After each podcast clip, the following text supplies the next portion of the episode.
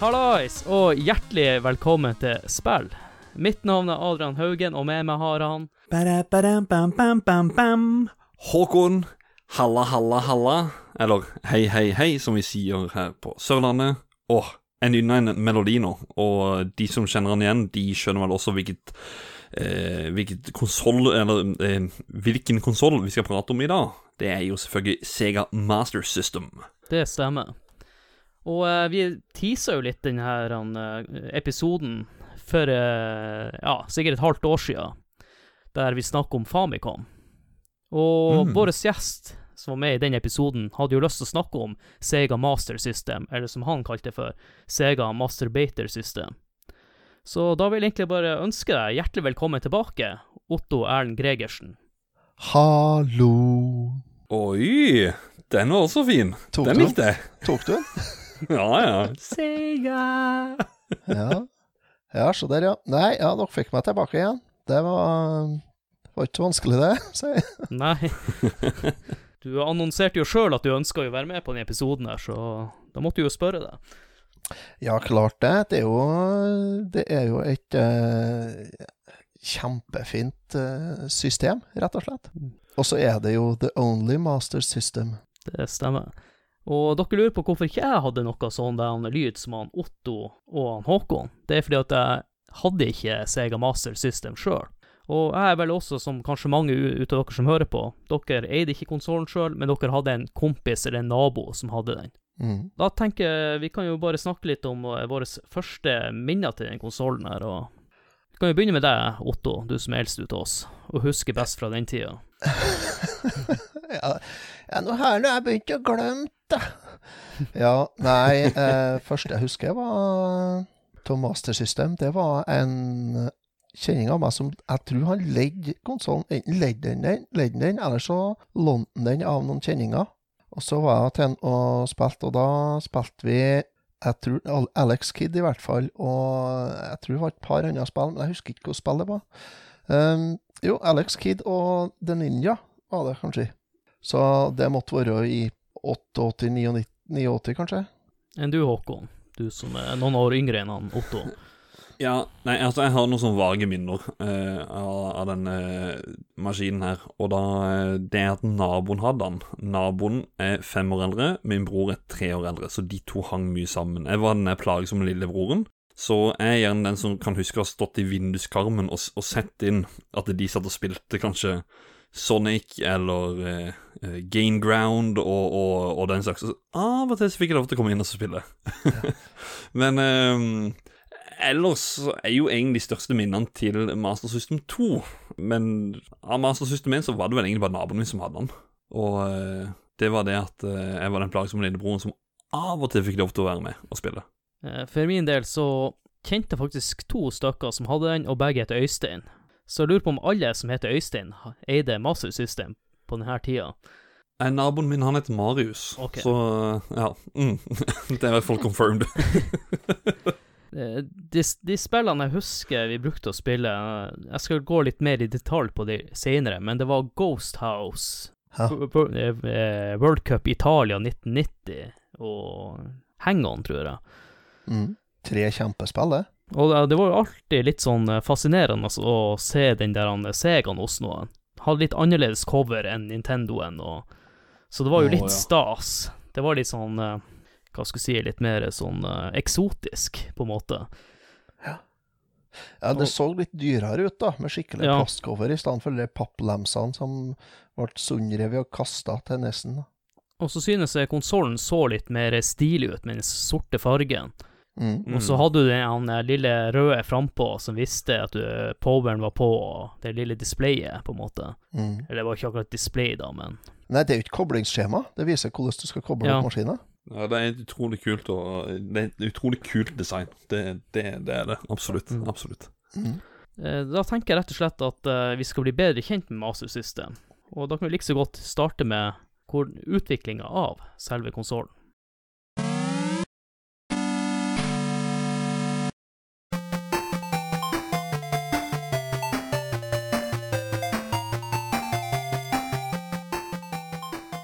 Når jeg skal snakke om eh, Sega Master System, så tenker jeg at vi først skal hoppe tilbake til eh, året 1940, hvor eh, selskapet Standard Games ble oppretta. De baserte drifta si på å lage slot machines, som ble plassert i forskjellige leirer i det amerikanske forsvaret.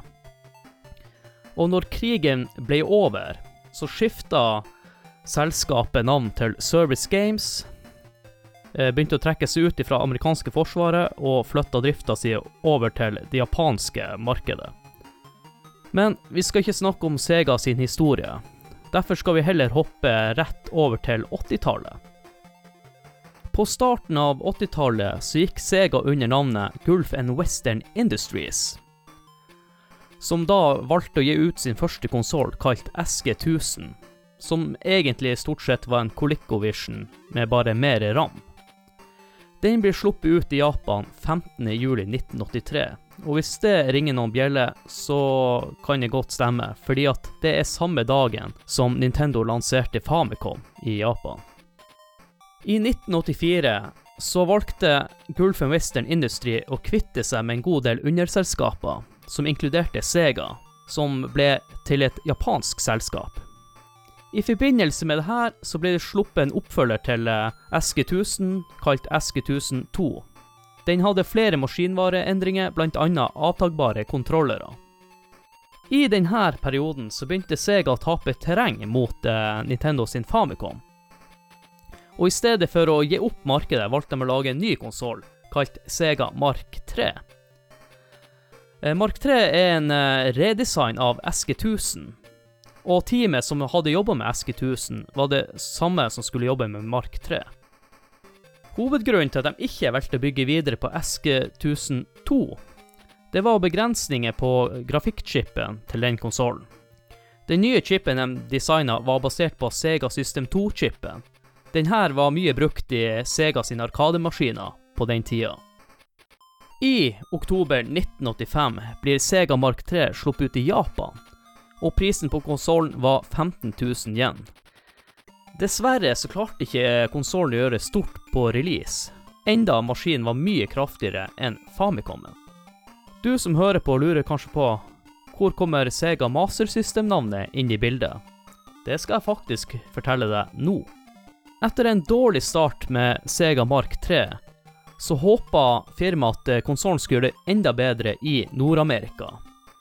Noen av grepene de gjorde, var å ansette han Bruce Lovery, som tidligere hadde jobba for Nintendo, og lot han starte opp et nytt kontor i San Francisco kalt Sega of America. En av deres strategier for å gi ut Sega Mark 3 i Nord-Amerika var å endre designet for å gi konsollen en mer futuristisk look, sånn som Nintendo hadde gjort med sin Famicom. De mente at det nye designet ville appellere mer til det vestlige markedet. De ønska også å gi konsollen et nytt navn. Dette ble faktisk gjort på en veldig spesiell måte. Måten de gjorde det på, var å kaste noen dartpiler på et whiteboard med masse navneforslag, hvor navnet Master System gikk seirende ut. Konsollen ble først presentert under eh, Summer Consumer Electronics Show i juni 1986. Planen var at Sega Master System skulle først bli solgt med en lightgun, to kontrollere og en multicart-pakke. September 1986 blir konsollen sluppet ut i Nord-Amerika, med spillene Hang On og Safari Hunt. En liten fun fact er at spillet Snail Maze er et innebygd eh, spill i maskinens BIOS. For å aktivere dette spillet må du trykke opp på D-paden, presse begge knappene samtidig. Snail Maze blir senere erstatta med Alex Kidd in Miracle World og Sonic the Hedgehog. Sega Master System kosta 200 dollar ved lansering, og de hadde brukt rundt 15 millioner dollar på markedsføring. Sega de hadde sjøl et personlig mål om at en konsoll skulle selge rundt 400 000-750 000 enheter. Dessverre så klarte de bare 125 000 enheter det året, men de slo salgstallene til Atari. Fire år senere så gir de ut en uh, ny konsoll kalt Sega Master System 2, som i praksis er en billigere versjon av den opprinnelige Sega Master System. Hvis dere lurer på hvordan konsollen gjorde det i Nord-Amerika, så solgte den 1,5 millioner enheter. Til sammenligning så solgte konsollen 7 millioner enheter i Europa, Men det som er interessant, er at den solgte hele 6 millioner konsoller i Brasil. En annen fact er at den siste Master System-spillet, som var cartridge-basert, ble solgt så sent som i 2003. Og det har faktisk blitt solgt eh, to millioner Sega Master Systemer etter år 2000. I 2015 ble det faktisk solgt hele 150 000 moderniserte Master System-konsoller i Brasil, kalt Master System Evolution, og inneholdt eh, 132 spill. Er det noe her jeg har fortalt dere nå som var nytt for dere, eller er det noe dere har lyst til å tilføye? Eh, ja, når det kommer til navnet Master System, så er det en liten ting. Det er det at eh, det spiller på at det skal være en overlegen konsoll over eh, Famicom. Mm. Og så skal henspille det litt på det kampsport og, og jippon da, som du har i Østen. Og det var jo han som du sa som starta Sega of America, som, som kom på det. Og det, hans, det var faktisk hans forslag òg, som sto på tavla. Så eh, i tillegg så var det, skulle jo være overlegent, det er det såkalte base system, da. Så, men det Nei, bra oppsummering. Veldig greit. Ja, jeg må si sjøl, fint oppsummert. Eh, Jeg var faktisk ikke klar over dette her at de kastet dartpinner på whiteboard Ja. for å finne navn. Det, det, var, det var sånn de løste ting i den tida. Litt sånn Atari-stuk på kontoret. Ja. Og så Jeg var heller ikke klar over det, det kan, kan, jeg, jeg- Kanskje jeg bare Jeg vet ikke om vi nevnte det i Famicom-episoden, egentlig. Men at eh, den her og Famicom ble lansert samtidig i Ja. Samme dag. Mm. Det er en krig, altså. Ja, det er Da krig. Dæven. det skjer ikke nå til dags. Når du, når du så ved release av eh, PlayStation eh, 5 og Xbox Series X, så spør folk om pris. Altså, de utsetter og utsetter hele tida, for den ene vil ikke slippe info Mm. kontra den andre. Her kommer Sega Nintendo. Ah, boom! 15. juli 1983, vær så god. Mm. Velg, velg deres konsoll. I tillegg så hadde jo Famicom et problem, da, i og med at uh, hele første revisjon av konsollene deres måtte trekkes tilbake. Ja, stemmer det. Stemmer det. Mm. det ja, riktig. Jeg husker du nevnte det. Ja, og så er det kanskje mange som ikke er klar over, er at uh, Master System er ikke den første Segaen. Det kom Nei, to nei, andre Segaer før den her, så det er den tredje Segaen. Ja, altså Eh. den, den informasjonen har jeg lært sånn i etterkant med å begynne å samle, da, men det var egentlig noe som sjokkerte meg veldig når jeg begynte å samle og kom over Sega, at det var liksom SG1000. Jeg bare hæ? OK?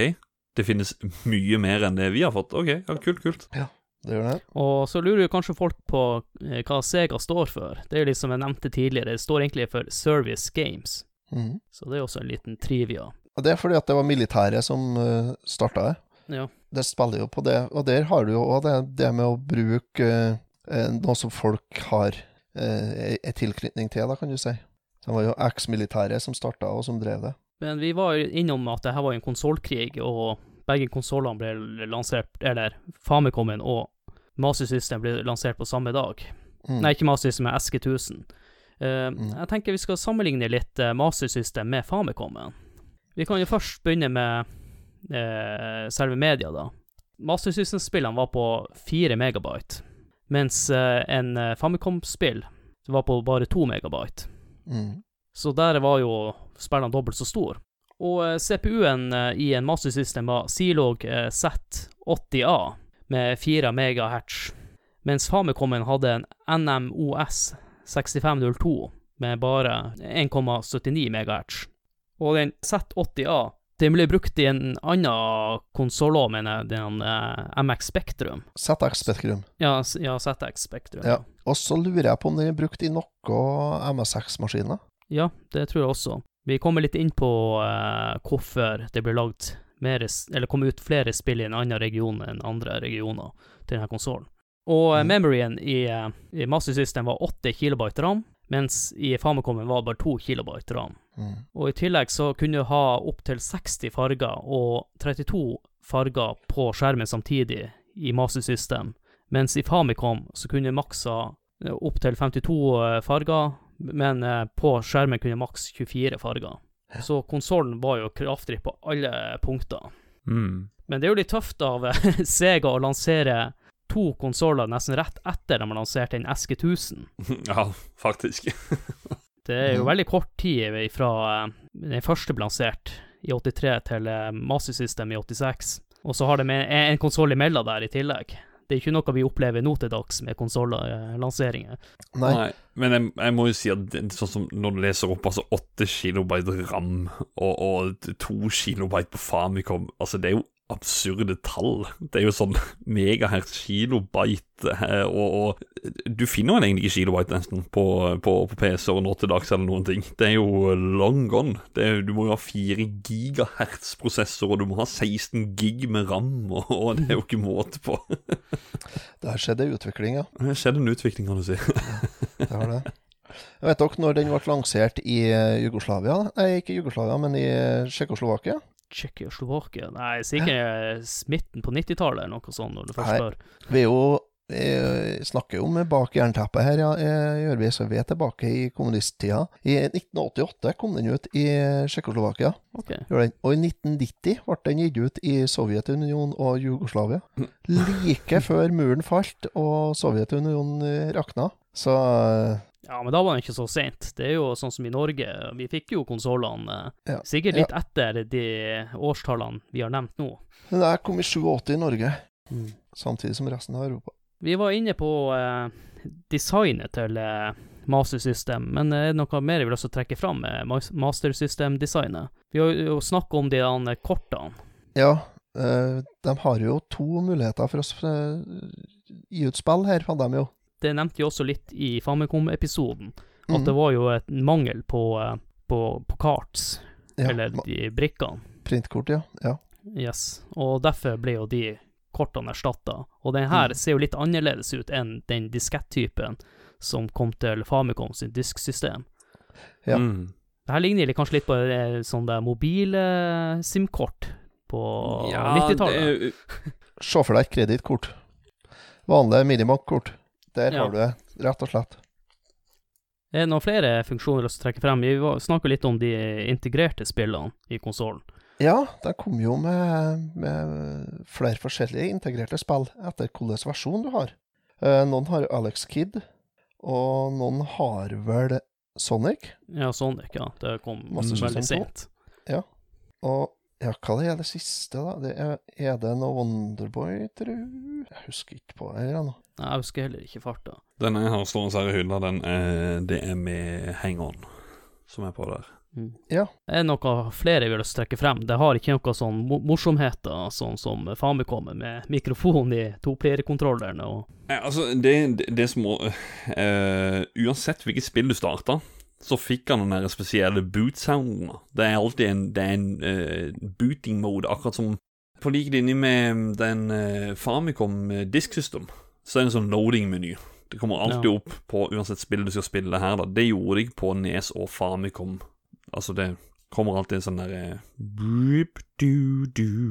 Hver gang du skal starte spill. Men vi har jo nevnt eh, tre, at det er faktisk tre forskjellige Master System eh, Mark 3. Og eh, jeg tenker vi kan jo prate litt om de forskjellene her. Den, Ja. den eh, de fleste kjenner til, er jo den svarte konsollen med den eh, røde Grafikken firkanten. Ja. Den avlange. Mm. Men den vi snakker om først, den som kom til Japan, den ser helt annerledes ut. Ja, Den gjør det. Det er jo en hvit en. Ja, hvit, ja. Ja. Og kontrollen er hvit med sorte knapper. Og du hadde faktisk muligheten til å hekte på kontrolleren på siden, sånn som Famekommen. Mm. Mm. Men her var heldigvis uh, stikken avtagbar, sånn som vi kjenner Nei, i dag. var de det på den første inn, da? Satt de ikke fast på den første inn? Ja, men nå tenker jeg på Sega Mark 3. Ja, på Mark 3, ja. ja. ja. Og så ser det ut som han har en sånn gul reset-button. Ja, det er fine maskiner, er det. Ja, den var egentlig ganske fin. eh, Ja, Mark 3 er ikke så gærlig, men hvis du skal ha en SG1000, så er de litt kostbare, faktisk. Ja, men nå er det Mark 3 vi snak Ja. snakker om her. Ja, ja. Litt. Jeg tror, jeg, jeg tror for de som hører på, så er det veldig mye Mark 3, SG-1000 uh, Hvem var Ja, hvor det blir var? mye fram og tilbake. For å si det sånn, i episoden her så konsentrerer vi oss om uh, Mark 3, SG1000 og SG1002, og det er bare noe vi har nevnt i bisetning med at uh, det var andre Sega-konsoller før Mark 3. Ja, og Mark 3 er faktisk den vi den, Det er den vi kaller for Master System. De i Japan kaller han for Sega Mark 3. Ja. Ja. Mm. Så det er jo en forskjell der. Det jeg må eh, peke ut, da, det er liksom Hvorfor var det bare Japan som fikk det at du kunne legge kontrolleren på sida?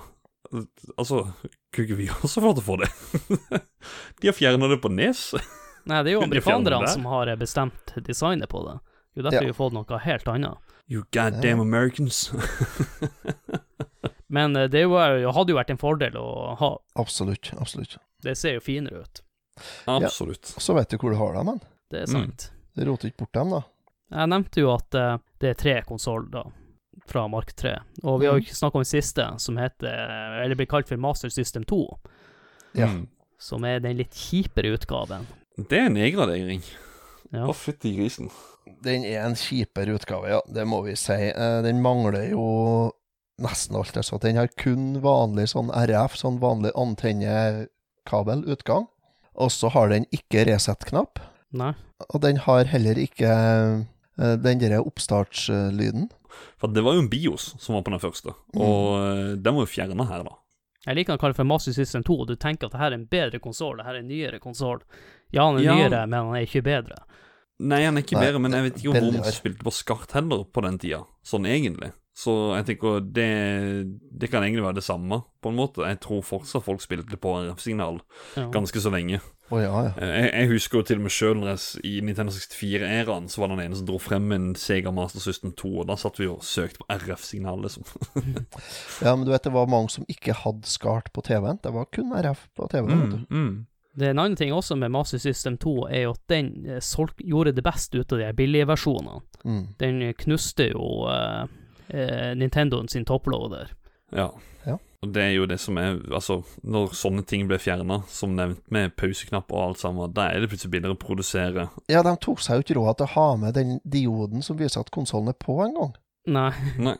Nei. Det er jo helt fantastisk. Du har ikke noe som helst mulighet for å vite om maskina står på. Men nå skal jeg ikke gå så veldig avansert til verks rundt det, da. Men eh, jeg kan si det sånn Jeg er ikke veldig stødig med loddebolten. Men jeg har modda en Master System 2 med pauseknapp, eller eh, reset-knapp, eller pauseknapp. Det er en av delene. Eh, de, de er veldig enkle å, Mm. å modde. Mm. Det er kretskortet inni der. Det er veldig mye som eh, går tilbake igjen til eh, den første Master System, men det er bare funksjonene er ikke satt opp der, så du må lodde på kabler og motstandere, og så vips, så er det gjort, egentlig. Mm. Mye, mye gode tutorials på YouTube for det. Kan anbefales. Ja, jeg har en, faktisk en sånn uh, Master System 2 som skal moddes uh, ræva av etter hvert. og det, det fine er også med uh, For å hoppe tilbake til Master System 1, så er det jo Det fine er den uh, Altså, det er jo den AV-pluggen som er bak, som de fjerna på Master System 2. Mm. Det vil jeg si gjør den konsollen for oss som er eh, opptatt av bra bilde på gamle konsoller, så vil jeg si Master System er den minst krevende Altså, det er den billigste konsollen for å få det beste bildet. Det er en RGB-kabel, og Mm. så enkelt er det. Så får du crispy, clear, ja, supersmooth bilde. Ja. Perfekt. Jeg anbefaler det. Har du en Master System 1, så går du inn på eBay, så kjøper du en uh, RGB-kabel. Ja, Det- koster en hundrelapp. Ja, ikke det engang, tror jeg. Vi har snakka om de tre versjoner av Master System, men det fulgte jo med masse kult tilbehør, og jeg tenker du, Håkan, kan eh, ta oss gjennom de her tilbehørene. Det er mye rart som kom. Akkurat som vi gjorde til Famicom, så må vi gjøre det her også. Eh, den første som jeg har lyst til å trekke ut, eh, det er 3D-brillene. Som er et eh, adapter som du kobler til den card reader-slotten. Og deretter så kobler du 3D-brillene til en sånn minijack-kobling. Og da var det åtte spill. Så det er jo ikke den eh, ville, utbredte støtten, da. Men, men eh, det var noen spill, og da kom jo sånn som Outrun. Det kom ut i egen versjon, men så kommer Outrun 3D. Altså tenkte hallo, Outrun til Master System i 3D, wow! Men jeg så jo litt kul ut i brillene der, hu- husker jeg. Ja, de er dritrå. Det er jo Terminator-briller. Ja. Gjett om, gjett om. Du kan bruke dem på sommeren. Ser ut som kule solbriller.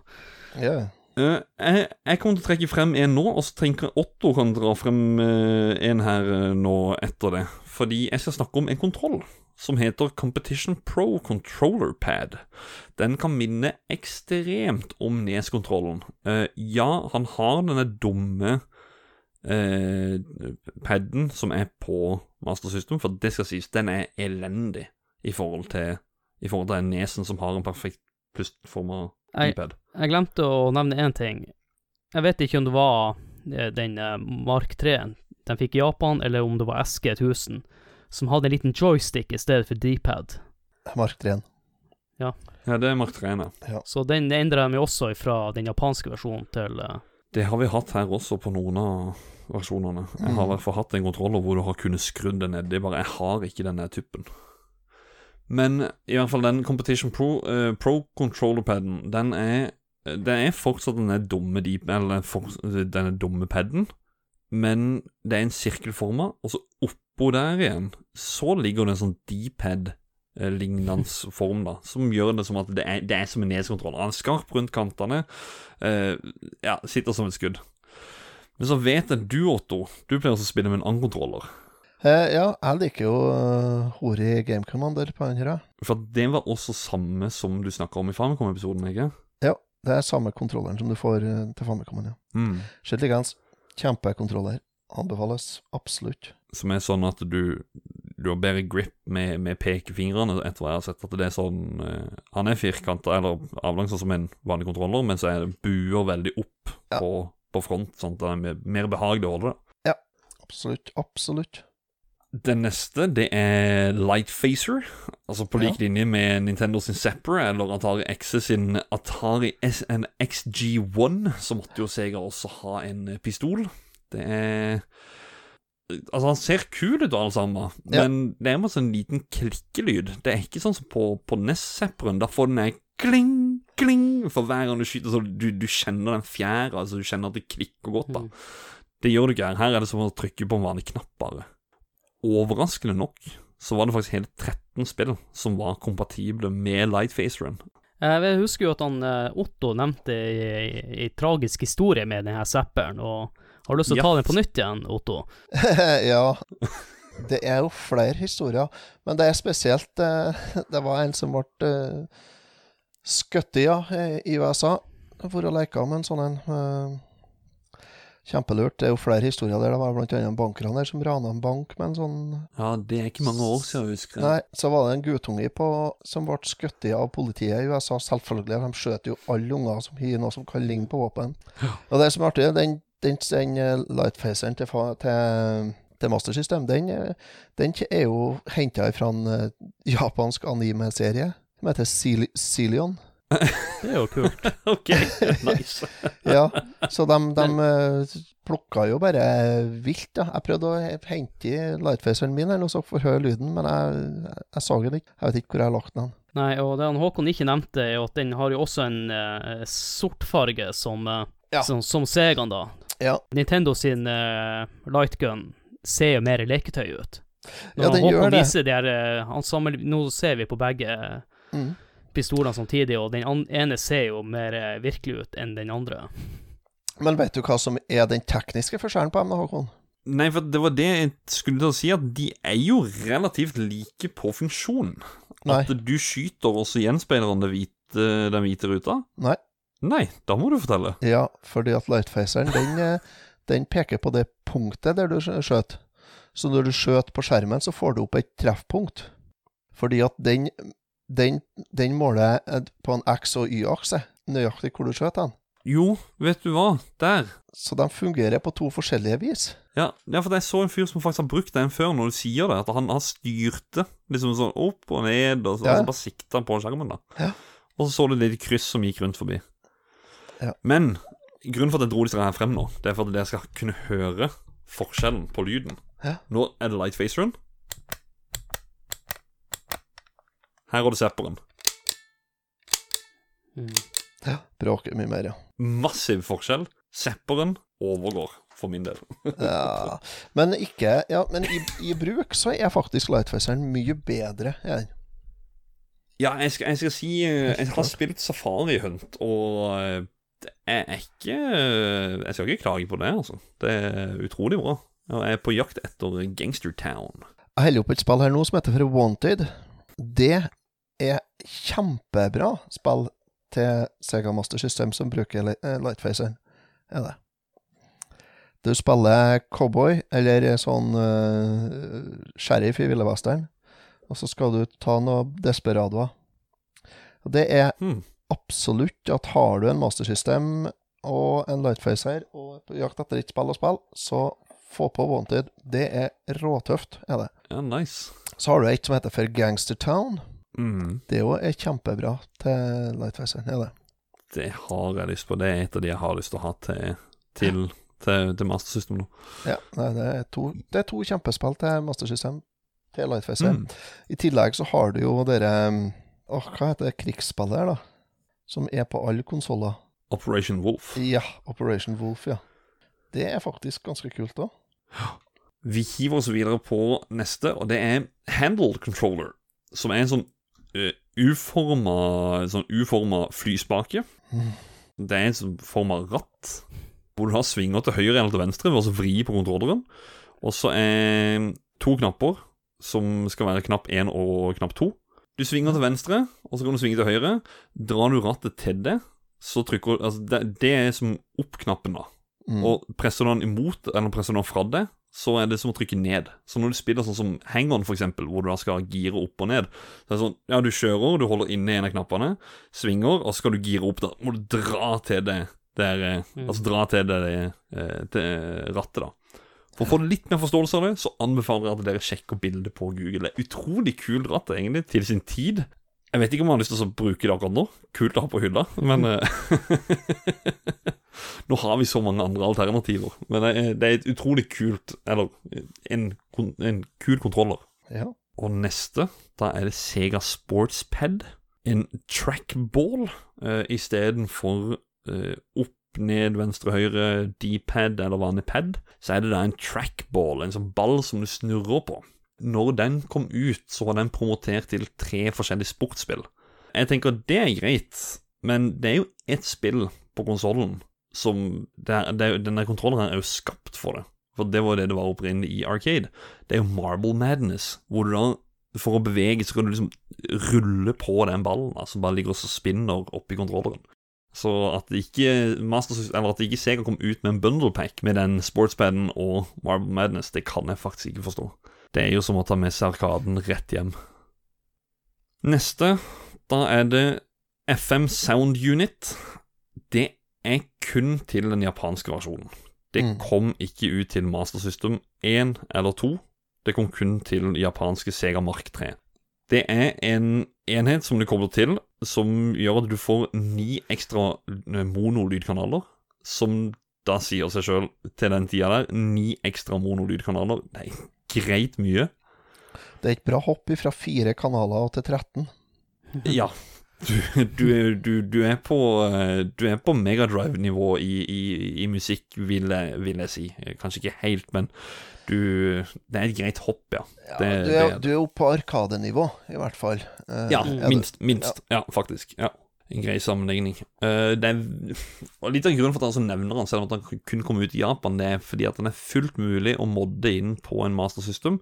Og som jeg sa i stad, jeg er ikke flink med, med loddebolten. Jeg tør å fikse dette her sjøl, for det er ikke særlig krevende etter hva jeg har sett. Så eh, anbefaler å sjekke ut det, altså. Mm.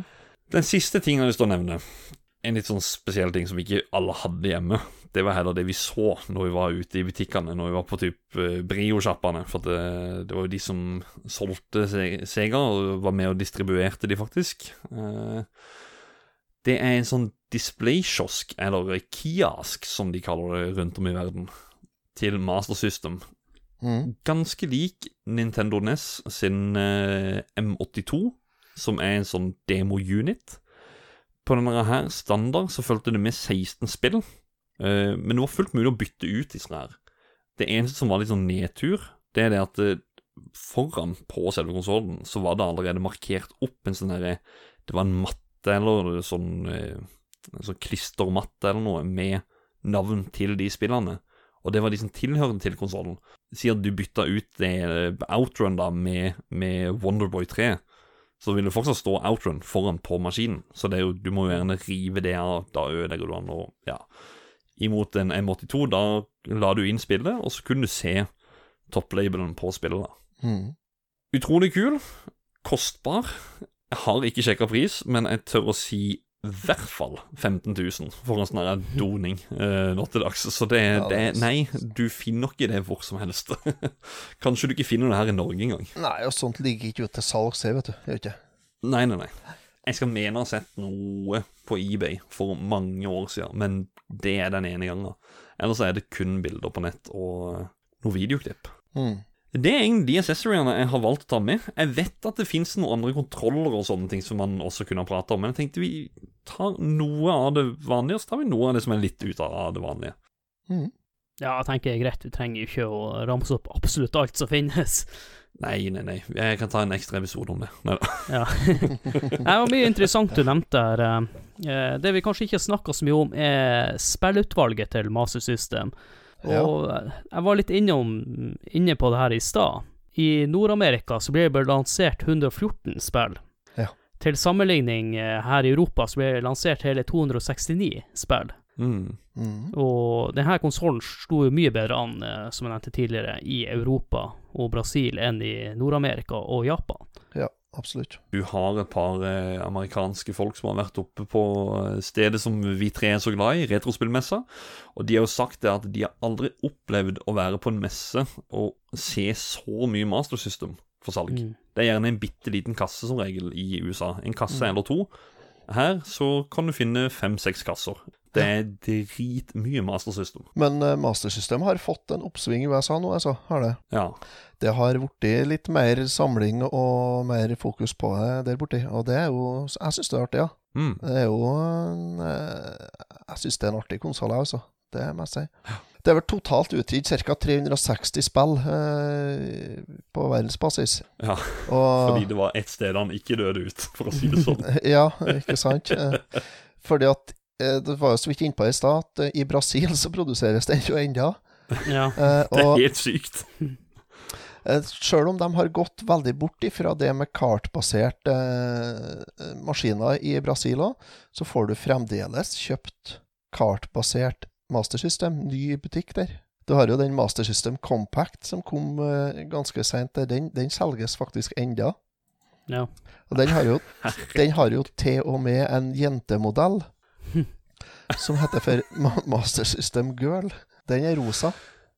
Stemmer det, stemmer det. Ja. Jeg har faktisk sett bilder før. Ja, og Det som er litt artig med den der, det, er det at eh, den, både den Compact og den Master System Girl det er, det er laga for å være portable konsoller. Så du kan ta dem med deg. De kan drives på batteri. Og har ett eller to innebygde spill, og så er det kartbasert eh, ellers, da. Men de må fremdeles ha en TV for å spille på det. Ja. Og, og en annen liten ting vi også kan nevne, er jo GameGear, Game Gear, der du faktisk kan spille Master System-spill. Ja, altså, Game Gear er jo en Det, det, er, ikke som det er ikke som Nes til, til, til Gameboy. Det er altså det er, som en, det er jo som en mastersystem, det er bare det at det er, det er mindre.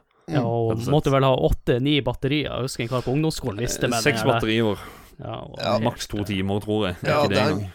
Åt jo batteriet til frokost, vet du. Det var jo helt rå. Men det er farge-TV. Fargeskjerm. Det var det. Mm. Men det som var nedtur, må jeg jo si, for meg som er Street Fighter-samler, Mm. så er det jo sånn at de selvfølgelig Kommer kom jo ut med disse spillene som eh, Når vi holdt på med Super Nintendoen, så eh, holdt de fortsatt på med Master System sammen med 64-en.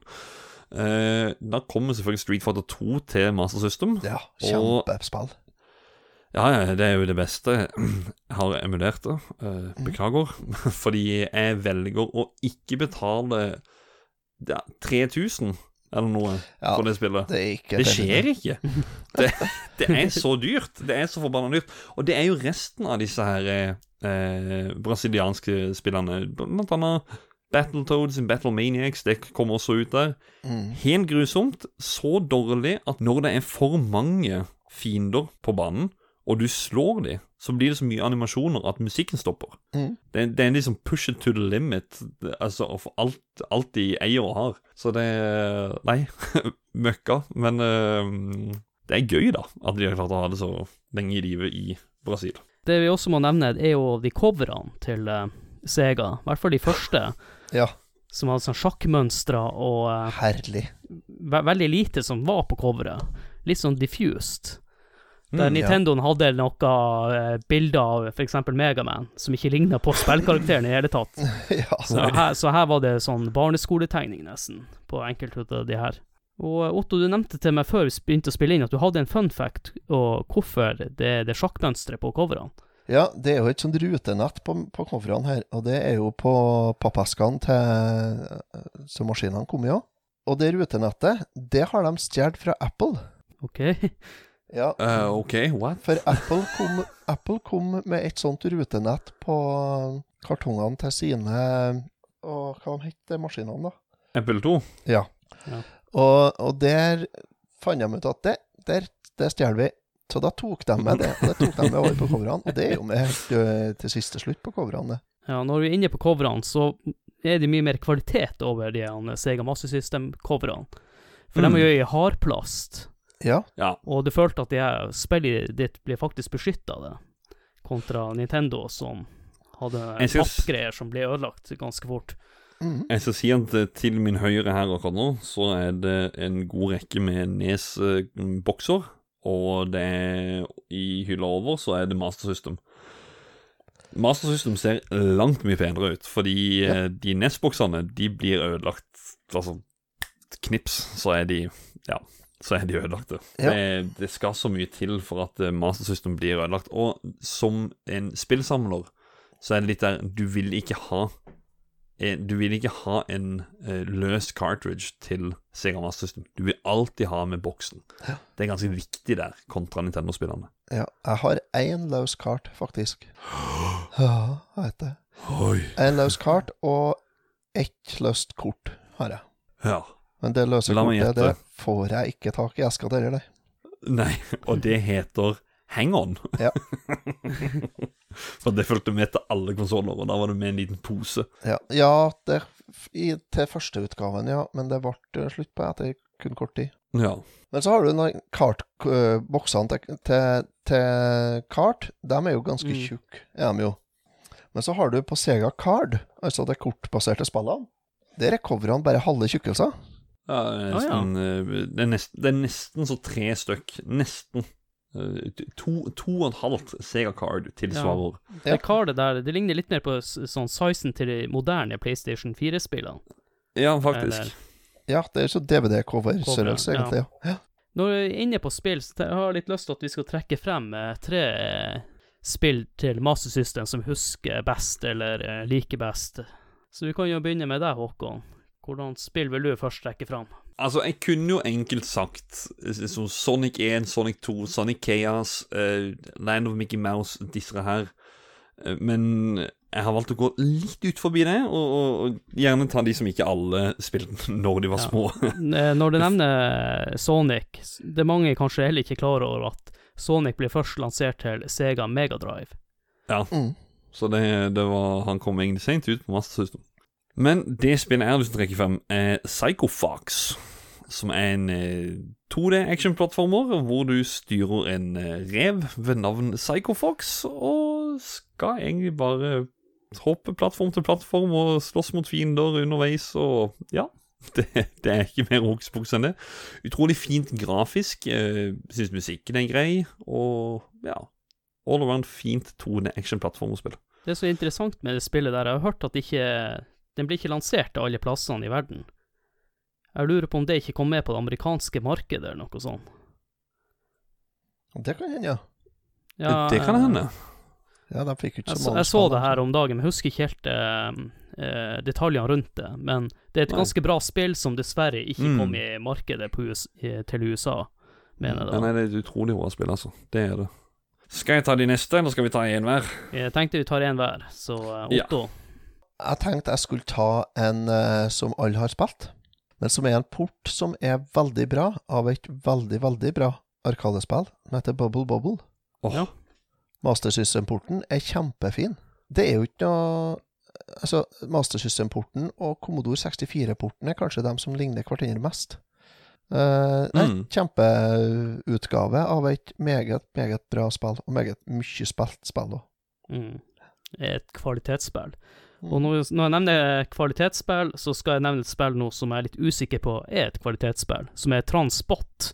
Ja, Har det har jeg det? på hylla her. Ja, ja, ja. Det har jeg som i, i nevnt i tidligere episoder, så hadde vi jo Spillklubben, som jeg, som jeg drev på Facebook, og der hadde vi faktisk en ukes challenge i Transbot. Ja, har du lyst til å fortelle litt om det spillet, for du husker det sikkert noe bedre enn det jeg gjør, så Nei, ikke noe annet enn at det er en arcade shooter, og så er det veldig inspirert, det hører du på navnet, og det ser du på coveret av Transformers. Mm. De hadde, hadde ikke vært for copyright-greier, så hadde de kalt det for Transformers.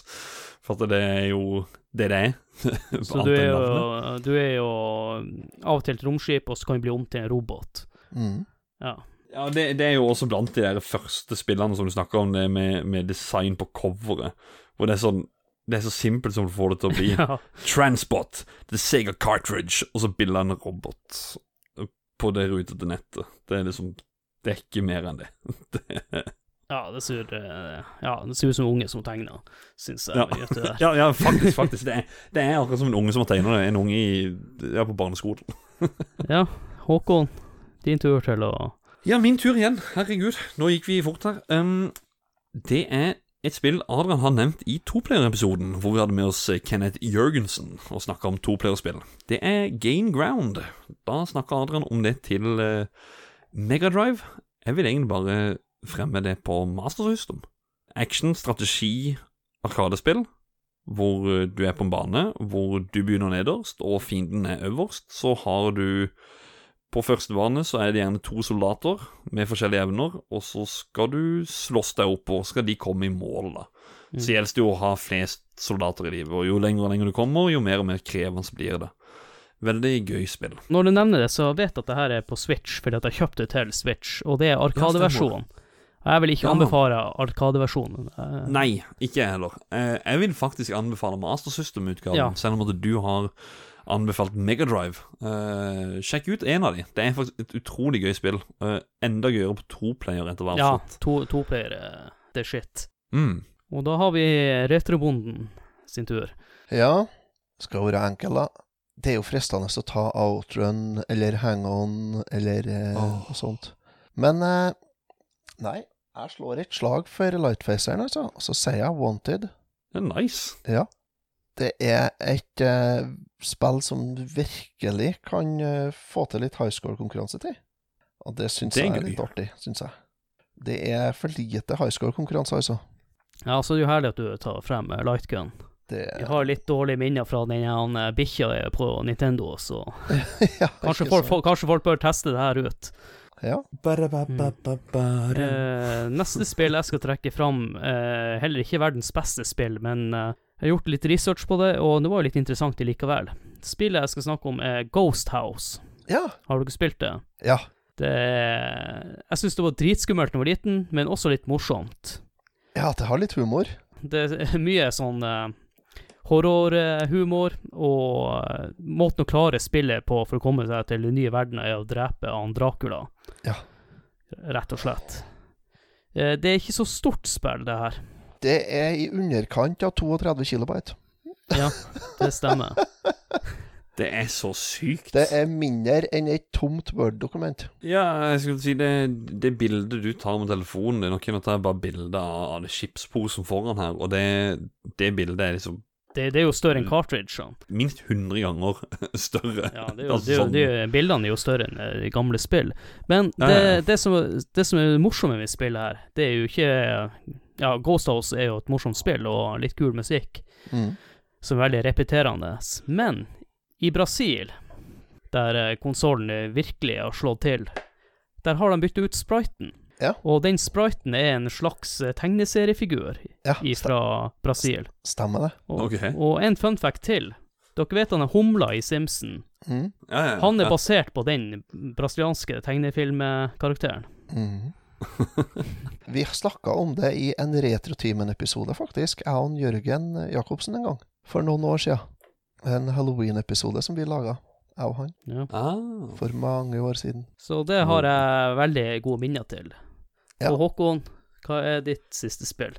For de av dere som har spilt Nes, kjenner til spillet Ninja-guiden. uh, Jøss, kom det ut til Sega Master System, det òg? Ja, det gjorde det. Mm. Det er en plattformer, hack and slash. Du er ninja, du skal gå fra høyre til venstre, eller venstre til høyre, litt ja, variert. Slåss deg gjennom, det er kul musikk, det er har ikke runda det. Jeg har runda de på Nes, så jeg skal ikke si så veldig mye om vanskelighetsgraden, men de på Nes de kom jo faktisk ut På boksen så står det jo 'hard to beat'. Altså Da var du advart når du kjøpte spillet at det var vanskelig. Jeg skal ikke bekrefte om det Eller jeg, jeg kan ikke bekrefte om det er sånn på Master System-utgaven, men eh, eh, overkommelig, etter hva jeg husker. da Så og, og kult. Eh, Verdt å sjekke ut hvis du, lik, hvis du liker Ninjaguiden til, til Nes. Så vet en at det fins til denne konsollen også. Skal jeg ta mitt siste, da? Yes. Da skal jeg lese høyt til dere fra bakpå eska. Jeg dropper tittelen på spillet, for den står først. Something terrible has happened. One of the experiments has gone out of control. The viruses are spreading quickly. Oh no, we've got to do something. Help Dr. Hello battle these nasty bugs by throwing multicolored vitamins at them. You must exterminate all the viruses that have infested the bottle. The viruses come in three colors and they can be elim elim eliminated by aligning the like colored vitamin capsules that are falling into the bottle. Og jeg skjønner nøyaktig hvor du skal. Og det er faktisk bilde av Dr. Mario ja, det er det. på den. Dr. Hello. Ja. Det Den er småfrekk. Dr. Dr. Hello med, med Mario, og selvfølgelig med rutenett i bakgrunnen. ja, selvfølgelig. Uh, det her spillet her kom ut i eh, Sør-Korea, gjorde det. Ja. Og det Det kom ikke ut i Japan eller USA, for å si det mildt. Nei. Så ikke, det er ikke, fullt, ikke, ikke fullt lisensiert, for å si det sånn. ikke fullstendig, men det er laga av Sega Enterprises. Så mm. Nei da, det er, det er ikke Det er ikke særdeles dårlig En særdeles dårlig utgave av Doktor Mario. Men eh, ja. det er så spesielt, så jeg måtte bare ta det med. For det at det Og, og det er så frekt, da. Med stort bilde av Mario på, på coveret, faktisk. Ja, det kylfrekt. ja. Det er ikke så lett å finne å få kjøpt, altså. Ikke. mm. Nei, det, var, det krevde litt leting, men eh, jeg fant det til slutt. Fikk eh, kjøpt Ja. det fra Hongkong, faktisk. Det er bare å søke, så finner du det. Ja. Du, finner, du, du kan ikke bla i gamle Brio-kataloger og, og se at eh, hvor er Dr. Hello? Nei, det finner du ikke. nei, nei. nei. Ja, Adrian, Eh, da? Mitt siste spill er faktisk et uh, fotballspill, Ja. og det som heter World Cup eh, Som heter World Cup eh, Italia 1990. Ja. Og du ser det top down. Jeg husker bare vi spilte det utrolig mye. Så egentlig, egentlig bare det jeg har å si om spillet. Og Ja. ja, jeg vi om Sensible Soccer, som er også et veldig kjent fotballspill rundt denne perioden. Mm.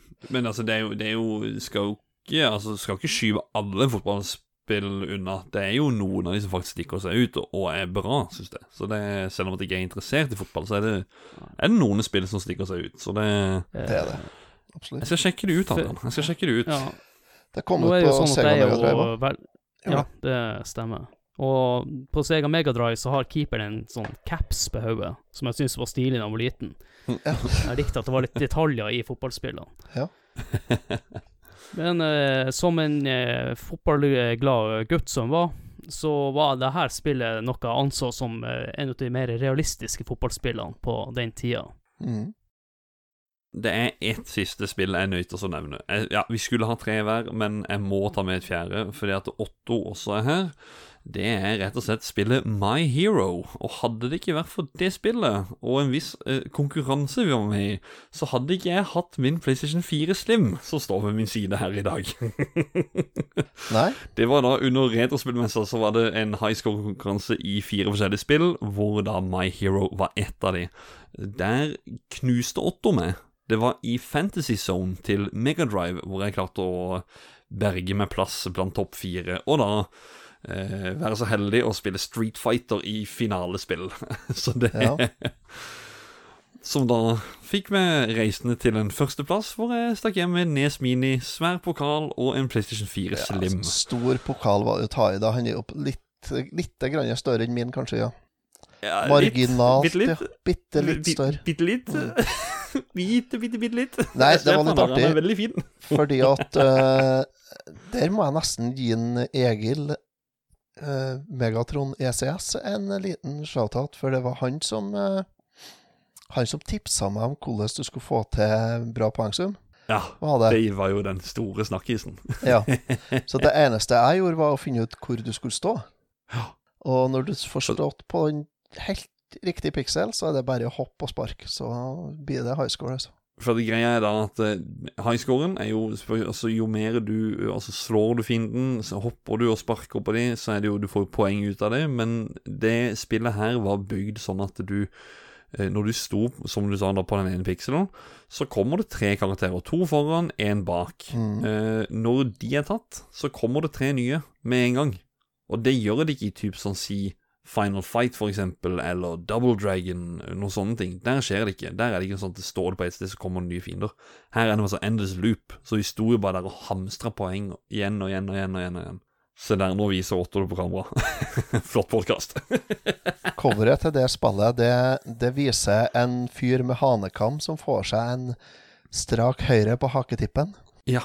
Gjør det. Skal for, skal for øvrig si at spillet, spillet handler om en uh, mann som skal få tilbake en dame si. Uh, det begynner med at de er ute på tur i en park, og der kommer en mann og slår det, som er mannen. Og så tar han dama på skuldra og løper vekk. Mm. Den der faste slageren Ja. som i Det- Double Dragon, Final Fight det, Ja, altså, Jeg skjønner ikke, hvorfor er det alltid at skal du slå dama, ta henne med seg, eller slå typen, ta med seg dama, og så skal du redde henne, da. Det er alltid sånn i Det var, det var sånn jeg sjekka opp damer før i tida. ja, huleboermentaliteten der, vet du. Den som har største klubba, vinner. Ja, ja, ja. Nei, så jeg var bare nødt til å nevne det, altså. Eh, artig spill, eh, vanskelig. Jeg Mm. kan ikke sterkt anbefale det, men eh, det måtte nevnes siden Otto er her. Absolutt. Absolutt. Vi har uh, vært innom det i stad, men eh, hvordan er samlermarkedet generelt sett rundt denne konsollen? På vei opp, føler jeg, enn det det noen gang har vært. Men ja. det er ikke massivt. Men det er der oppe. Det var ikke der for fem år siden. Da var det jo Hvem vil ha Master System? Mm. Bare Otto, da. Eh, Nei, jeg vet ikke om Otto var det da. Nei, Jo, jeg var nok det kanskje for fem år siden, ja. Men eh, eh, det har vel tatt seg opp litt. Men eh, det fremdeles eh, er det forholdsvis rimelig i forhold til mange andre konsoller, er det jo. Så, Mm. Men det er godt eh, utvalg på spill i Europa. Og det er ikke så stort problem å få tak i de titlene du vil ha, stort sett. ikke. Det er selvfølgelig noen titler som er vanskelige, og det er noen titler som er dyre. Men ikke i nærheten av Nintendo dyr, egentlig. Det er vel knapt spill som koster over 3000-4000, vil jeg tro. Mm. Eh, når vi er inne på pris, hva det vil koste sånn cirka å anskaffe seg en Master System? 500-600? Ja, jeg vil sagt det, ja. Mellom 300 og 600 kroner at det kommer man på. Eh, Master System 2, den billigutgaven, den eh, vil jeg sagt eh, 300 til 500, og en Master System er Ja. litt mer. Det som varierer faktisk på pris på den Master System 2, det er om eh, lokket er helt, som Ja. regel. For det har en tendens til å være knekt. Så eh, Men eh, gå for en Master System 1. Det er med AV-plugg og alt sammen. Slipper du den moddinga. Det eneste du skal modde inn da, er en 50-60 hertz knapp, sånn at du kan få spille opp til det de hadde i USA, som er Nei, det er røftlig 20 kjappere eller et eller annet. Ja, 16, 16 Ja, 16, 16 ja. Så får du det på, så, så er det good. Fin konsoll å samle på. Nei, og så er spillene ganske rimelige. Ja. For et spill fikk komplett Master System-spill, så koster det fra 50 til 400 kroner. Mm. Alt avhengig av hvilket spill du skal ha, selvfølgelig. Så det er ikke så dyrt, og det er en fin konsoll. Altså. Jeg er jo Nei, kjøp Mm. Master System, folkens. Ja, og med Ja. de ordene så tenker jeg bare gå rett over på ratinga av konsollen.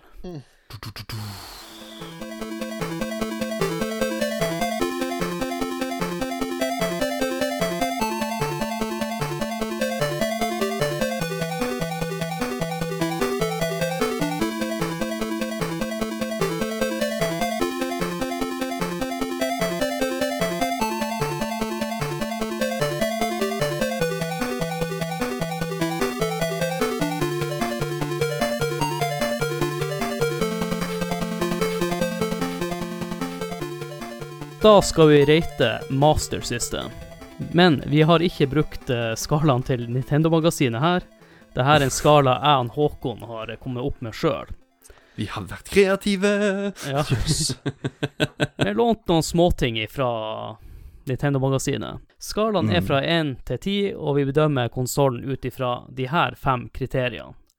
Det er utseende, kontrolldesign, brukervennlighet, spillutvalg og grafikk og lyd. Under samme kategori, da. Ja. Og da begynner vi med utseende, og uh, du kan få lov til å begynne, Håkon.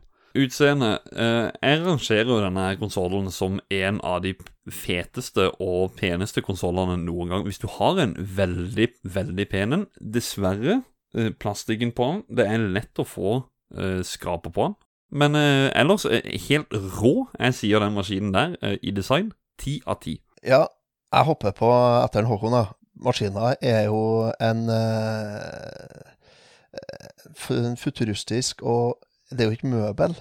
Mm. Den er kjempefin å se på. Eh, den har litt samme, samme stilen som en eh, litt kostbar Bang Olufsen eller radionettforsterker fra samme Mm. tida. Faktisk. Eh, med den skrå, litt det skrå panelet i front, og den er litt eh, lang og, og ikke så høy. Så jeg er ti av ti på utseendet. For meg så eh, lyser det her noe futuristisk uh, greie fra 80-tallet. Noe neon og alt mulig. Eh, jeg er veldig svak for eh, 80-tallet, og det designet der eh, Det skiltes ut fra alle andre konsoller på den tida. Eh, jeg vil gi det en nier. Mm. Boo! Nei da. Nei, her var ni er fint. Ni er fint, det, også, altså. Kontrolldesign, Håkon. Oi, der går vi ned. Fordi er det er, Altså, her må vi snakke om Nintendoen igjen. De har jo D-paden. Altså Den er jo altså 11 av 10. Kontrolleren her er jo den svære paden som bare er eh, grusom. Det er derfor jeg bruker den der eh, Competition Pro-kontrolleren, fordi at du har den lille D-pad-formen. Jeg gir den en Jeg sitter på en syv, men så har han disse her to knappene som er så sykt behagelig å trykke på. Som klarer å berge han til å bli en 7,5. så 7,5 av 10 på kontrolleren. Og så er han god å holde. D-paden trekkes jo enormt ned her, for den er, den er rett og slett ikke bra, altså. Det er som å ha tommelen på en svamp. Ja. Og den, og Det er den, ikke tull engang. nei, og den er jo designa helt opp ned òg, i tillegg. Fordi at når du trykker ned på D-paden, så har du en mikrobryter i overkant som blir inntrykt. Sånn at du Ja, nei, den er jo Ja, Den er rett og slett eh, omvendt av hva den skulle ha vært. Så nei, D-paden den drar ned så enormt. Du har ikke noe startknapp. Du har ikke noe select-knapp. Du har kun D-pad og 1 og 2.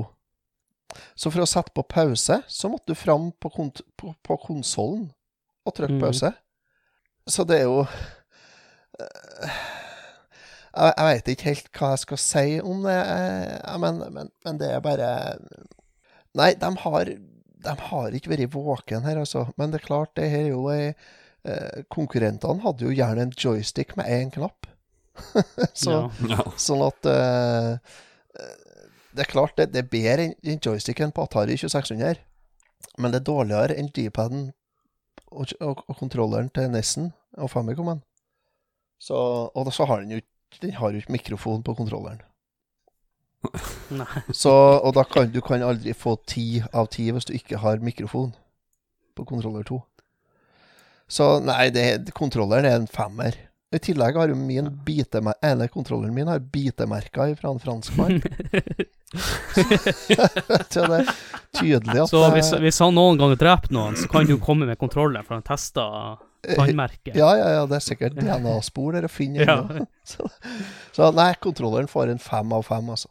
Ja. Eh, Kan jeg, få, kan jeg få bare skyte tilbake igjen og bare si at jeg gir faktisk kontrolleren, nei, kontrolleren 6,5? Jeg, jeg glemte helt select og start-greiene, at det, det ikke er på kontrolleren. Og det er så nedtur at jeg gir, jeg gir den faktisk 6,5. 6,5 gir. Ja, det er jo utilgivelig. Ja, jeg, ha- jeg hadde tenkt å gi det seks, men pga. bitemerker så, så forklarer det sitt. Så derfor får det en eh, 5,5 hos meg. Ja. Å, fint. Da er neste brukervennlighet, Håkon. Brukervennlighet, eh, veldig enkel. Altså, nå snakker vi om Master System, den første. Og der er det skart. Eh, så frem nå til dags Alle hadde jo ikke skart før, men det er der, og det er tilgjengelig. Det er inn med startknapp Nei, inn med power-knappen. Der er cartridge-slotten. Du ser åssen det fungerer. Trykk den på. Ferdig. Det er ikke noe problem. Men så er det jo det at du, som du sier, du må pause og alt sammen. Alt det er borte på konsollen. Så det trekker litt ned der. Jeg gir han en mm, 7,5 av 10. Ja, 7,5 av 10. Ja. Eh, det som du sier, altså, det er jo brukervennlig. Det som trekker ned, er jo egentlig det at du du må jo Men her, vi snakker jo om en konsoll som er fra ei tid der du satt på gulvet framom TV-en med Ja. konsollen mer eller mindre i fanget. Ja, Eh, og ledningen som ikke var så lang. Ja, sånn at du, du, du er ikke så langt unna heller, egentlig. Så. Men uh, det er pauseknappen på konsollen. Det er jo ikke eh, ja, Det er ikke til, Det er utilgivelig, det òg, men uh, Og så har du, og så har du pluss, da. Du har koblingsskjema. Hvordan du skal Mm. koble opp hele driten. Det er Ja. jo, står jo på maskina. Og så er det som du sier, at du har muligheten for både RF og SCART. Uh, det, det er liksom bare å sette i karten og trykke på, slå på. Så jeg gir den en åtter, altså. Gjør jeg. Med bakgrunn på de tingene dere har sagt, så gjør jeg det en syver. Vi hopper over til eh, spillutvalget Håkon. Ja, som du nevnte, 269 spill i Europa til konsollen, som, eh, som vi da Jeg vet ikke om vi har fått alle de, men, men eh, noen av de i hvert fall. Jeg vil jo si Det, det er egentlig et fint, bredt utvalg med gode spill. Altså, det går an å nevne en liste på 20 bra spill til konsollen, og da syns jeg det er et greit utvalg, altså. Det kan jeg si 30-40 spill, for seg selv. skyld. Det er ikke på likt nivå som Nesen, det er det ikke. Jeg sitter så Det, det, det, det er så vanskelig å gi tall på det. Eh, Åtte av ti? Mm. Ja. Ja. Det er ikke perfekt, men det er ikke dårlig. Det er ikke noe midt på heller. Nei. Det er liksom, ja. Nei, altså det som du sier, det er jo enkelt å plukke fram en hel masse spill. Eh, du har jo Golvelius, du har Rastan, du har eh, Altså, det er ufattelig mange bra spill, men eh, det er ikke sånn på NES. Men det er, tror jeg er mest fordi at vi ikke har prøvd like mye Master System-spill som vi har prøvd NES-spill. Ja. Jeg, jeg tror det skyldes at i hvert fall vi, eller i hvert fall jeg, som ikke hadde konsollen sjøl, Mm. så har et helt annet nostalgisk bilde på eh, Nintendoen og Super Nintendoen enn Sega. For Mm. Sega, som jeg nevnte innledningsvis, var jo den konsollen naboen hadde, Ja. ikke noe jeg eide sjøl. Jeg, jeg tror det, det gjenspeiler litt. Men jeg gir, det, jeg gir det likevel en 8,5 av 10, altså, fordi at det, som en Håkon sier, du kan, det er ikke noe problem å nevne 20-30-40 bra spill. Nei, og jeg, jeg- men jeg, jeg jeg skal si at litt av altså, jeg, jeg er nesten på 8,5, jeg også, men jeg er ikke der for at Final Fantasy 7 er ikke på den konsollen. Sånn så har jeg bare nevnt det spillet. Kom det, ja. For uh, min del, så Når jeg var liten, så sammenligna jeg konsollen med feil konsoll. Jeg sammenligna ikke den her med Nintendo. Jeg sammenligna med Super Nintendo. Mm. Og det gjenspeiler Ja. kanskje mitt bilde mm, med tanke på hva jeg syns om de spillene her. For som jeg eh, også nevnte innledningsvis, var jo Master System en mye kraftigere konsoll enn Ni- Nintendoen. Nesten. Mm. Eh, Men som barn så hadde man ikke peiling på de tingene her. Vi håper at dere som hører på, har fått mer peiling nå. Så jeg sammenligna denne konsollen med feil konsoll. Så jeg fikk et galt bilde. Jeg hadde et bilde på at alt var mye kjipere på denne konsollen. Men i ettertid så vil jeg jo kanskje sette den mye, mye høyere. Så jeg er enig med Otto her. Åtte og en halv. Mm. Men eh, han Adrian i 1994 ville kanskje gitt det her fem. Mm. Mm. Ikke Og til slutt så har vi vært innom det også før, grafikk og lyd. Jeg er jo glad i, i Nesten. Eh, jeg må jo nevne det, det er så vanskelig å snakke om denne konsollen her uten å sammenligne opp til Nesen, for min del i hvert fall. Og, eh, men det er, det er et eller annet med grafikken og med, og, med lyden, som du snakker om på Specs. Det skal jo være bedre her, men det er det eh, Jeg vet ikke, det er, så, det er så bra på nesen at det, er sånn når de prøver på noe bedre De klarer det ikke helt før de er på Super Nintendo-nivå, så alt etter der føler jeg er sånn mm, Det går litt ned, fordi det når ikke helt opp til, til det neste nivå, for min del. Og så jeg havner på en 7,5 av 10, altså. Nå tramper jeg sikkert på noen føtter her, men eh, 7,5 av 10. Ja, eh, på grafikken Hvis vi skal se da på eksempel Sonic, som jo er en port av et Megadrive-spill, eh, så er ikke det noe å si på grafikken. Eller Quackshot, eh, eller eh, Golden Axe Warrior. Altså, det er jo eh, Eller Golvelius, eller eh, Det er jo bra grafikk, altså, på spillene her. Og det er bra musikk. Eh, Outrun, Super, eh, Outrun og Hang-On eh, er ikke så verst, dem heller. Selv om eh, det var tidlige spill. Bubble Bobble flyter veldig fint. Så grafikken er bra. Den er nok helt klart godt på høyde med NES, og sene NES-spill òg, er den. Lyd Den originale lydskipen er ikke det helt store, men hvis du får en mastersystem som er FM-modda, og du spiller et spill med FM-lyd, så er det helt fantastisk. Så Nei, jeg vil si det at uh, Jeg gir en eh, 8,5 da, på lyd og grafikk. hva? Da Håkon 7,5, Otto 8,5, da tar jeg 8. The easy one. Ja. Det er fordelen med å være programleder Mm. og ja, ja. ja. gå ut sist. Da har vi gått igjennom ratinga, så da gjenstår det bare lyttespalte. Ja, det er spennende, vet du. Vi har spurt inne på både eh, Discord, og inn, eller inne på Discord-community vår, og på Spill Community på Facebook. Eh, så jeg tenker vi kan begynne inne på Discord.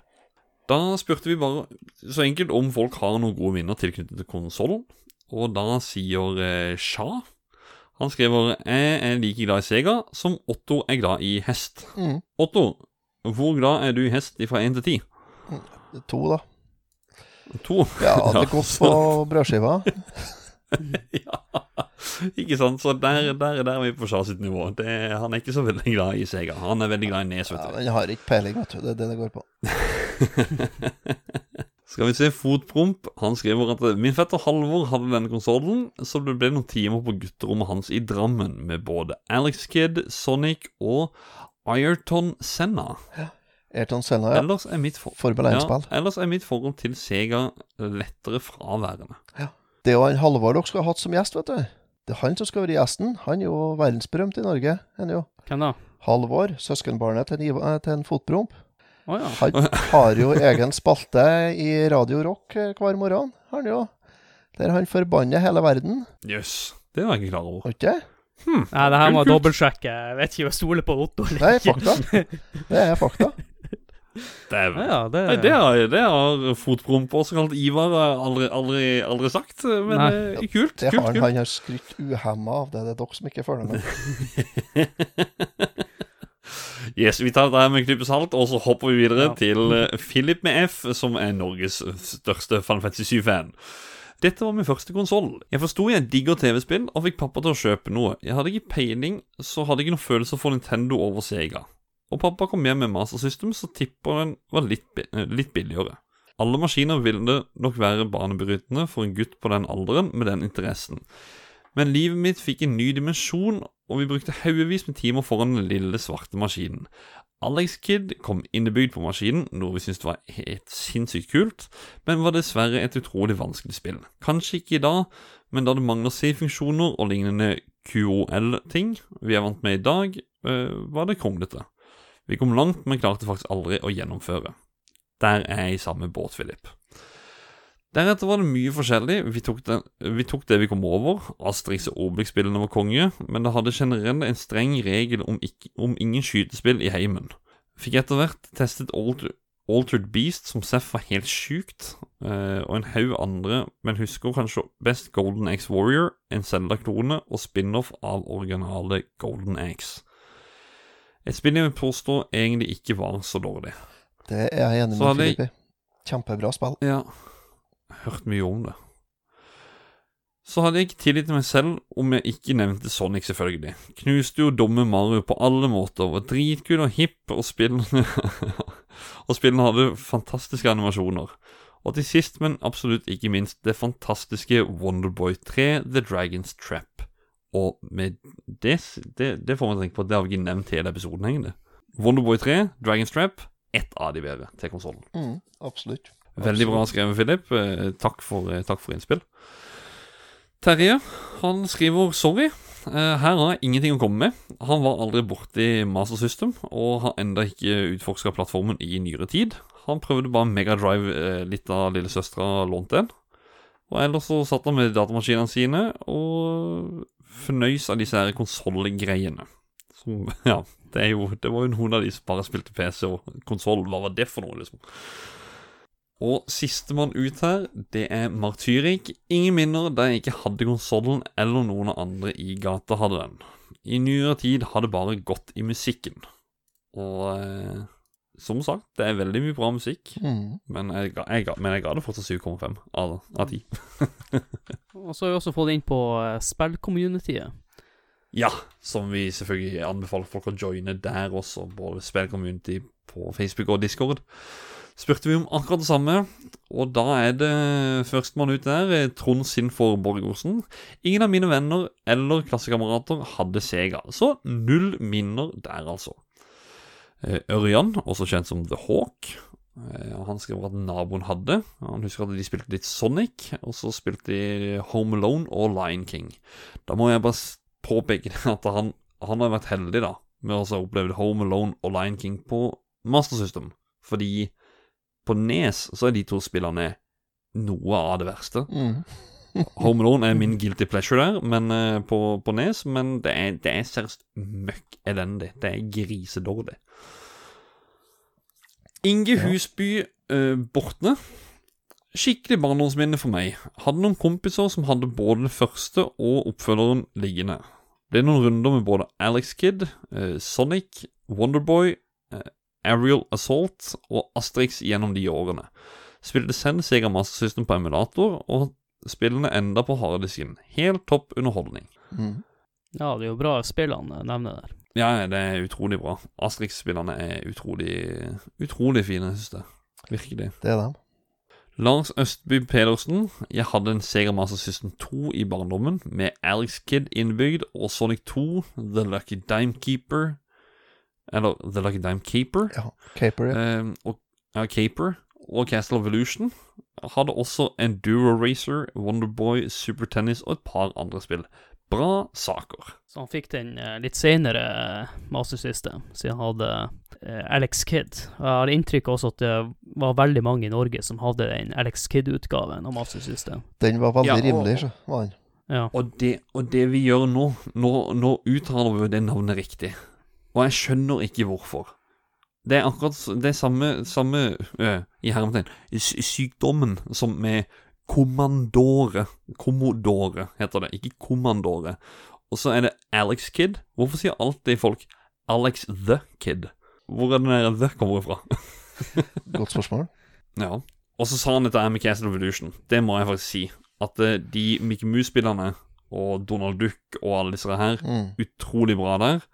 Sånn som vi fikk på Nesten, Da hadde vi eh, Disney Afternoon eh, med, sånn med Chippendale, Ducktales, uh, Tailspin, den slags. eh, Darkwing Duck. Det var det vi fikk på nesen, som var bra der.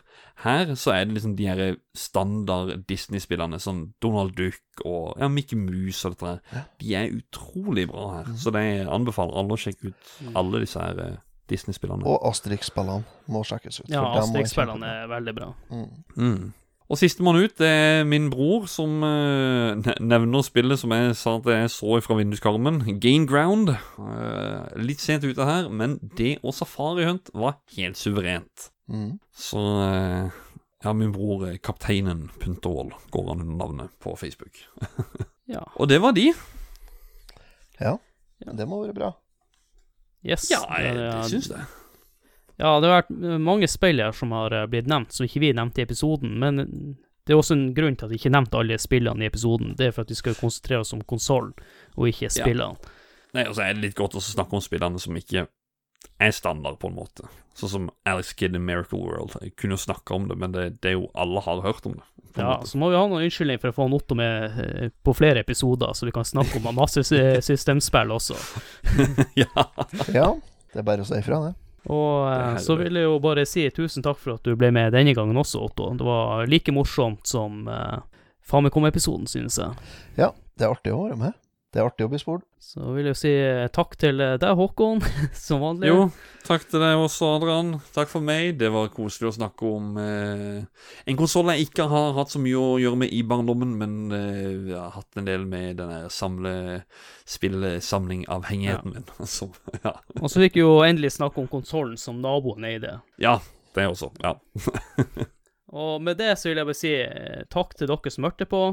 Takk til eh, de to som er på episoden. Og da vil jeg bare si ha det. Morna! Ha det.